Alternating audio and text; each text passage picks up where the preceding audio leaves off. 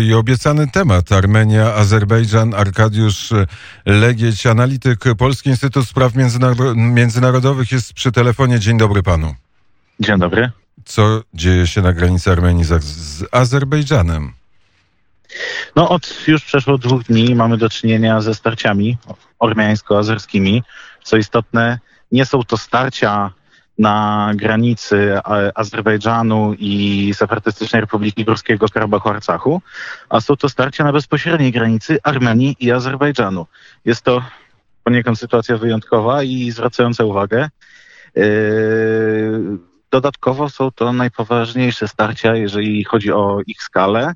No w zasadzie od 2016 roku, od tak zwanej wojny czterodniowej, która wówczas miała miejsce. Co utrudnia nam trochę ocenę obecnej sytuacji, to jest to, że wszelkie informacje, jakie czerpiemy e, z miejsca tych zajść pochodzą od jednej albo drugiej strony, więc w odpowiedni sposób są e, zdeformowane, przynajmniej musimy to zakładać, bo oczywiście obie strony mówią, że to nie one zainicjowały te starcia, że Ormianie mówią, że to Azerowie, Azerowie mówią, że to Ormianie i trudno jest tutaj tak naprawdę orzec, e, która strona jest bliższa prawdy. Również y, poniekąd możemy mówić o problemach z oceną skali tego, co tam się dzieje, ponieważ zarówno jedna, jak i druga strona na przykład nie mają w swoim interesie tego, aby przyznawać się, ile osób po jej stronie zostało rannych, ile zginęło, ponieważ świadczyłoby to o słabości i, i, i miałoby to poważne reperkusje dla jednej i drugiej władzy w aspekcie polityki wewnętrznej. Ale to jest tak, że to są regularne armie, które do siebie strzelają no właśnie nie dochodzi do bezpośrednich starć żołnierzy, z tego co wiemy. Y, jedna z wersji, y, konkretnie azerska, mówi o tym, że w ogóle starcia zostały zainicjowane, przepraszam, wersja ormiańska mówi o tym, że starcia zostały zainicjowane przez Azerów, którzy próbowali zająć zbrojnie jeden z posterunków na granicy ormiańsko-azerskiej. No i Ormianie, aby odeprzeć ten atak, prawda, zostali zmuszeni również do użycia siły. Aczkolwiek to, co wiemy na pewno, ponieważ ta wersja no, nie jest jeszcze potwierdzona, to, co wiemy na pewno, to to, że obie strony ostrzeliwują się przy wykorzystaniu pocisków artyleryjskich, ale nie dochodzi do bezpośrednich walk żołnierzy. Aczkolwiek, no, oczywiście jest to bezpośredni konflikt między jedną a drugą armią tych dwóch państw. E, gdybyśmy mie mieli to przełożyć na e, geopolitykę, to czy Armenia i Azerbejdżan należą do e, strefy, rosyjskiej strefy wpływów? E, I tak i nie, jest to, jest to troszeczkę skomplikowane. Na pewno jeżeli chodzi o Armenię, możemy tak śmiało powiedzieć, ponieważ Armenia w aspekcie politycznym, gospodarczym jest członkiem Eurazjatyckiej Unii Gospodarczej, a więc tego takiego odpowiednika Unii Europejskiej promowanego i rozwijanego przez Rosję. Jest również członkiem Organizacji Układu o Bezpieczeństwie Zbiorowym, to jest tak zwany Układ Taszkiencki, który jest takim, przekładając na nasze uwarunkowania, takim rosyjskim NATO. Azerbejdżan z kolei nie jest członkiem żadnej z tych organizacji. Yy, dodatkowo yy, Armenia w takich stricte stosunkach dwustronnych z Rosją jest bardzo od niej uzależniona, ponieważ de facto Rosja jest jedynym i najważniejszym gwarantem bezpieczeństwa Armenii. Gdyby nie wsparcie wojskowe ze strony Rosji, gdyby nie rosyjskie bazy wojskowe na terenie Armenii, ten potencjał odstraszania i potencjał obrony Armenii przed większym i bogatszym i, i większym ludnościowo Azerbejdżanem byłby zdecydowanie mniejszy i możemy przypuszczać, że mm, mogłoby wtedy dochodzić do, do, do, do większej eskalacji. Rosja jest w tym konflikcie kimś, kto, a, aktorem, który z jednej strony konserwuje tą sytuację, ten konflikt między obiema stronami, ale, ale również nie pozwala do rozstrzygnięcia go w jednym lub drugim kierunku, ponieważ jest to instrument jej polityki wobec tej części świata. Co istotne, także w okresach takich bezpośrednich starć jak teraz, bo też, co warto podkreślić, te starcia są ważne, ponieważ tak jak zaznaczyliśmy, one się nie dzieją w Karabachu, tylko na pograniczu ormiańsko-azerskim. Y, ich skala jest na tyle znacząca, że są to najprawdopodobniej największe starcia od 2016 roku, ale same starcia no, nie są niczym nadzwyczajnym. No. Tak naprawdę do y, tego typu potyczek na, na, na, na granicy dochodzi tam permanentnie od lat 90., czyli od momentu, kiedy te państwa uzyskały niepodległość i weszły ze sobą w konflikt. I nic nie wskazuje na to, żeby tego typu starcia y, miały w jakiś sposób zostać zażegnane w przyszłości. E, nie ma żadnych przesłanek do tego, aby proces pokojowy między tymi dwoma państwami zmierzał w dobrym kierunku, a szczególnie w sytuacjach, w okresach kryzysowych dla jednego i drugiego państwa, dla jednego i drugiego rządu, tego typu starcia są narzędziem polityki wewnętrznej, są narzędziem mobilizacji, są narzędziem odwracania uwagi. I oczywiście w tej chwili tą sytuacją kryzysową jest pandemia koronawirusa, która oba te państwa doświadcza bardzo boleśnie i wszelkie negatywne konsekwencje tej pandemii, przede wszystkim gospodarcze, które również negatywnie wpływają na wewnętrzną pozycję tych rządów i na stabilność ich państw. Azerbejdżan. Codziennie przechodzę koło zdjęć, bo przechodzę koło ambasady Azerbejdżanu w Warszawie, koło zdjęć nowoczesnego, e, budującego się państwa. To są zdjęcia propagandowe, czy rzeczywiście Azerbejdżan jest takim e, miejscem, które się rozwija? Te, te, zdjęcia jak najbardziej są prawdziwe. Dokładnie zdaję sobie sprawę, o których pan zdjęciach mówi, ponieważ też je w miarę regularnie widzę. Tak, Baku jest europejską stolicą, Baku jest nowoczesną stolicą, są tam wieżowce, jest tor Formuły 1, jest przepiękny stadion i faktycznie jest się czym chwalić. Tylko, że warto powiedzieć, że te zdjęcia nie pokazują całego Azerbejdżanu. A cały Azerbejdżan już niestety nie wygląda tak nowocześnie, tak modernistycznie, y, nie jest tak pięknie odnowiony i tak, taki futurystyczny jak samo Baku, ponieważ w tym kraju panują bardzo duże dysproporcje y, zarobkowe, dochodowe, jeżeli chodzi o poziom życia i poziom tego, jak to wygląda państwo w różnych miejscach. Przez lata Azerbejdżan, który którego bogactwo bierze się ze sprzedaży surowców energetycznych, pompował ogromne kwoty pieniędzy po to, aby właśnie stworzyć taką stolicę, którą będzie mógł się chwalić na zewnątrz. I to się udało.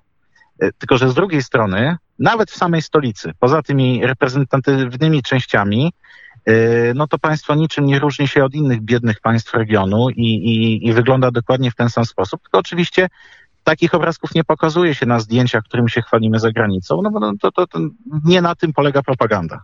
A po drugiej stronie granicy, w Armenii, e, z kolei bieda?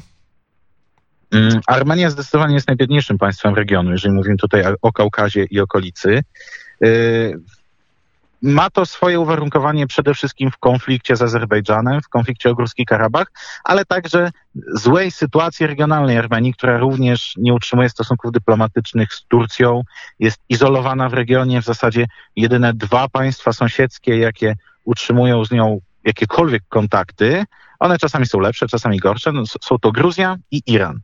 E, granica z Turcją jest zamknięta, granica z Azerbejdżanem jest zamknięta, a często jest areną starych zbrojnych. A sam konflikt zmusza Armenię od lat do tego, aby coraz bardziej się zadłużać i blokuje wszelkie możliwości, wszelki potencjał reform i zmian w tym państwie. Tak, żebyśmy sobie mogli to wyobrazić. Armenia ma niespełna 3 miliony ludności. Jej PKB to jest mniej więcej PKB powiatu bydgoskiego, jakbyśmy to mieli porównać. A to państwo utrzymuje 100 tysięczną armię, ponad 100 tysięczną. E, to pokazuje, to jest tylko jeden z przykładów, ale to pokazuje, że tak małe państwo jest zmuszone do ogromnego wysiłku zbrojnego, aby bronić swojej niepodległości, bronić swojej suwerenności, a w dodatku jeszcze bronić Górskiego Karabachu, który nie jest częścią Armenii, ale znajduje się pod jej parasolem politycznym, militarnym i bronić tego przed o wiele bogatszym Azerbejdżanem, który, którego budżet obronny wynosi więcej niż budżet całego państwa Armenii, no to jeżeli takie środki y, trzeba ponosić y, ze względu na obronność, no to ciężko jest te środki wygospodarowywać na reformy, na zmiany w państwie, na politykę socjalną i na szereg, szereg innych, innych pól, które w Armenii są niedofinansowane. My bardzo często w kontekście naszego uczestnictwa w NATO mówimy o tym, że jesteśmy państwem, które jest y, bardzo zaangażowane i jest przykładem dla innych, ponieważ ponosimy więcej niż 2% PKB na wydatki na obronność, co jest takim wy wymogiem bycia w NATO, tak? Armenia i Azerbejdżan są liderami na świecie, jeżeli chodzi o odsetek, y, o, o, ten procent PKB przeznaczany na obronność, na, na wojsko. To w przypadku jednego i drugiego państwa to jest czasami w zależności od roku nawet około 10%. Więc to nam pokazuje, jaka to jest skala i jak ważna jest obronność tych państw z uwagi na to, że są po prostu w permanentnym konflikcie, który czasem jest spokojniejszy, a czasem eskaluje, jest odmrażany i mamy do czynienia z sytuacjami takimi jak obecnie. A e, obecnie trwa ten konflikt, o którym e, rozmawiamy, konflikt na granicy Azerbejdżanu z Armenią, a politycznie w Armenii kto rządzi? W Armenii od y, dwóch lat mamy zmianę. W 2018 roku doszło tam do tak zwanej aksamitnej ormiańskiej rewolucji, w wyniku której rządy w Armenii przejął Nikol Paszynian. Wcześniej działacz polityczny, wcześniej polityk dosyć niszowy, który jednak wykorzystał swój moment, sprawnie zarządzając protestami, sprawnie zarządzając niezadowoleniem społecznym, odsunął od władzy tak zwany klan karabachski, a więc takie stronnictwo rodzinno-polityczno-biznesowe, które rządziło Armenią od 20 lat. Doprowadził do tego w sposób pokojowy, przejął władzę i od dwóch lat rządzi Armenią. Co istotne, w dalszym ciągu dysponuje poparciem społecznym na takim no, przyzwoitym poziomie, jeżeli chodzi o Armenię. Armeniecko cały czas boryka się z różnymi problemami, które dodatkowo zostały pogłębione przez COVID, szczególnie na tym poziomie gospodarczym i na poziomie zdolności państwa do zarządzania kryzysowego, no w tym wypadku do zarządzania zagrożeniami biologicznymi. Yy, aczkolwiek, co istotne, mamy do czynienia cały czas z bardzo um, dynamiczną rywalizacją polityczną na armeńskiej scenie. Paszynian zdobył władzę pokojowo, ale później pokojowo już nie zachowywał się wobec swoich oponentów politycznych. E, na, na tym gruncie polityki, real polityki wewnętrznej, to wytoczył im wojnę, ponieważ e, rozpoczął procesy sądowe, zainicjował je skierowane wobec Roberta Koczoriana, Serża Sarkisiana, czyli liderów tego ruchu. Ostatnio mieliśmy do czynienia również z pozbawieniem y, immunitetu i postawieniem zarzutów jednemu z parlamentarzystów, Gagikowi Carukianowi, jednemu z najbogatszych Ormian, który co prawda nie należy bezpośrednio do klanu karabachskiego, ale był takim politykiem, który przez lata dużo korzystał na dobrych układach z, z wcześniejszą władzą, a teraz w jakiś sposób również skonfliktował się z Paszynianem i wobec niego również zostały zastosowane podobne środki jak, do, jak wobec wspomnianych Koczariana i Sarkisiana. A jak e, wygląda e, sytuacja? E, są duże wspólnoty Ormian poza granicami Armenii. Zgadza się. Jest, jest to naród dysponujący no, niebywałą diasporą. W samej Armenii, jak wspomnieliśmy, mieszka około 3 milionów. To i tak według oficjalnych statystyk, ponieważ samo państwo mierzy się cały czas z problemem wyludniania, tego, że ludzie emigrują za granicę i już nie wracają. No ale załóżmy, że to jest 3 miliony a na świecie tak naprawdę Ormian może być nawet około 15 milionów. Mhm. Główne skupiska i takie najważniejsze skupiska Ormian za granicą to są oczywiście Francja, Stany Zjednoczone, Bliski Wschód, tutaj przede wszystkim Liban, kiedyś również Syria, Irak, ale ta, ta, ta struktura demograficzna tych państw zmieniła się tam w wyniku konfliktów. Co warto zaznaczyć, w Polsce też mamy Ormian, którzy zgodnie z ustawą o mniejszościach narodowych i etnicznych są uznani za mniejszość e, narodową w Polsce, a ich historia no, sięga w zasadzie XIV wieku, kiedy, kiedy, kiedy wyemigrowali do Polski i mimo, że nie są wielką diasporą, nie są wielką mniejszością w Polsce, to, to jest wiele ciekawych wątków historycznych, i, i, a nawet współczesnych, które się z nimi wiążą. A czy to prawda, że mają taką smykałkę do handlu? Zdecydowanie, zdecydowanie. Ormianie mm, w historii, ale także współcześnie, no, ale wszystkim w historii byli określani jako tacy protoplaści globalizacji. E, jeżeli mielibyśmy się posłużyć jakimś przykładem polskim, no to e, w czasach jeszcze pierwszej Rzeczpospolitej Ormianie, którzy byli bardzo dobrze zasymilowani, bardzo często nie odróżniali się od Polaków, ale jednak mieli swoje korzenie tym świecie egzotycznym dla ówczesnych królów, yy, w świecie odległym i w świecie, który ciężko było zrozumieć nam Polakom, służyli jako posłańcy jako ludzie, którzy udawali się na Bliski Wschód, na dwory Persji, na, na dwory Imperium Osmańskiego i na dwory szeregu innych krajów, po to, aby załatwiać nasze interesy. I tak samo jak w przypadku polskim, tak samo Ormianie byli wykorzystywani na każdym świecie, ponieważ w każdym kraju Ormianin zna jakiegoś Ormianina i wie, jak do niego dotrzeć i wie, jak wykorzystać ten kontakt. Także to jest nie tylko smykałka do handlu, ale to jest również smykałka do załatwiania spraw. Ale handel oczywiście. Wiele źródeł historycznych dowodzi, że po upadku tego takiego największego państwa armiańskiego w XI wieku, które rozpoczęło emigrację Ormian na, w zasadzie we wszystkich kierunkach na cały świat, no to w pewnym momencie Ormianie dysponowali taką samodzielnie stworzoną siecią handlu w zasadzie od Meksyku do Indonezji. Ja sam w zeszłym roku odwiedziłem e, skupisko Ormian zamieszkujących do dzisiaj Singapur na przykład i co mnie zdumiewało, jak wiele elementów architektonicznych, jak wiele elementów dotyczących organizacji y, ormiańskiej wspólnoty tam tam zamieszkujących jest wręcz identycznych do tego, co możemy zobaczyć na przykład na ziemiach dzisiejszej zachodniej Ukrainy, da, naszych kresach y, wschodnich, które znalazły się poza granicami y, Rzeczpospolitej po II wojnie światowej, a które były kolebką polskich Ormian, które były tam przez nich zamieszkiwane, y, gdzie było ich najwięcej i gdzie oni no, wy, w dużym stopniu byli twórcami kultury i tego, jak funkcjonowały lokalne społeczności. A jak to się e, stało, że będąc w tym regionie świata, e, zachowali religię chrześcijańską? E, or, znaczy to też warto zaznaczyć. Ormianie w zdecydowanej większości są chrześcijanami, ale też zdarzało się, że przechodzili na, na inne wyznania, ale jest to naród, który tutaj też możemy jakieś takie podobieństwo zastosować do nas, do Polaków, dla którego tożsamość religijna jest bardzo ważnym komponentem tożsamości narodowej. Ormianie bardzo wiele procesów historycznych w swojej, w swojej przeszłości przetrwali właśnie dzięki temu, że byli zwartym narodem o bardzo jasnej kulturze, którego podparciem była religia, ale który jednocześnie był zdolny dostosowywać się do, do, do zachodzących zmian, do, do nowych uwarunkowań.